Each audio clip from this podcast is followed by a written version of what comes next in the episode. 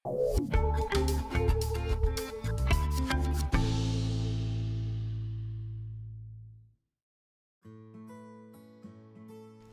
tema wat ek nou gaan bespreek, dink ek nie met jy laat jou man luister nie. Ek um, vermoed ek gaan dalk een of twee briefies kry. As jy my deur die skerm kon gooi met 'n klip, sal daar seker 'n man wees wat my wil gooi.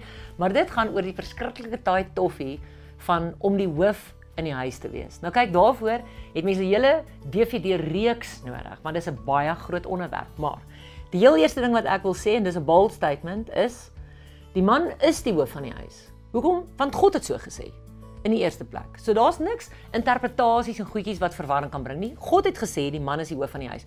Maak nie saak hoeveel feministe op 'n wa spring en sê maar dit is in daai tyd geskryf nie. Nee, God se woord was, is en sal vir altyd bly staan. So die man is die hoof van die huis, maar die man is die hoof en nie die baas nie.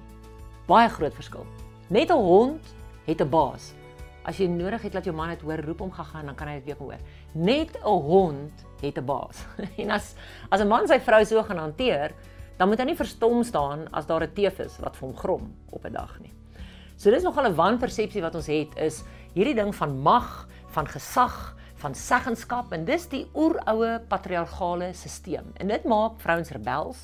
Dit maak dat vrouens vertrap voel, dit maak dat vrouens seer en stikkend is. Maar weet jy, daar's eintlik so 'n mooi hart agter die hele gedagte van die man wat die hoof is van die huis. Weet jy die die die plek van die hoof is nie 'n plek van reg nie. Dit is 'n plek van geweldige verantwoordelikheid.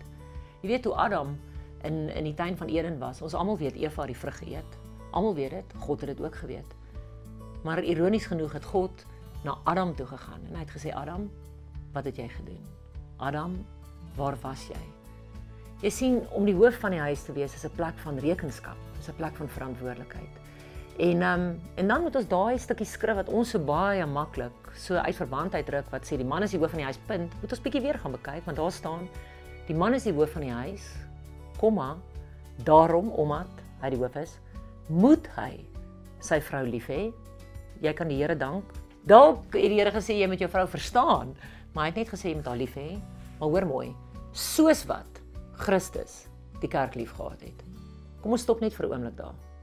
En bedink net, wie het eers lief gehad en wie het eers gedien? Christus het eers gedien. Christus het eers lief gehad. En as hierdie vir jou 'n verwarrende konsep is, dan wil ek jou bemoedig met 'n stuk ironie in God se woord. En dit is: By God is alles verkeerd om. Hy sê die wat laaste sal eerste wees. Hy sê die wat huil sal blydskap erf. Hy sê die wat arm is sal baie hê.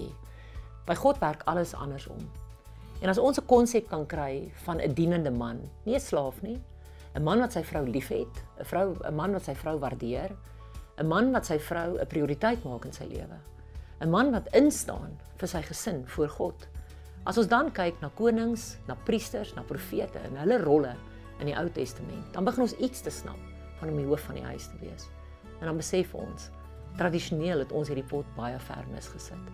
So ja, my sussie, jy is geroep om onderdanig te wees, maar ek vermoed ook as jy 'n man het wat jou dien en wat jou liefhet, dan is die mees natuurlike ding vir 'n vrou om die kroon op sy kop te sit. Thank you.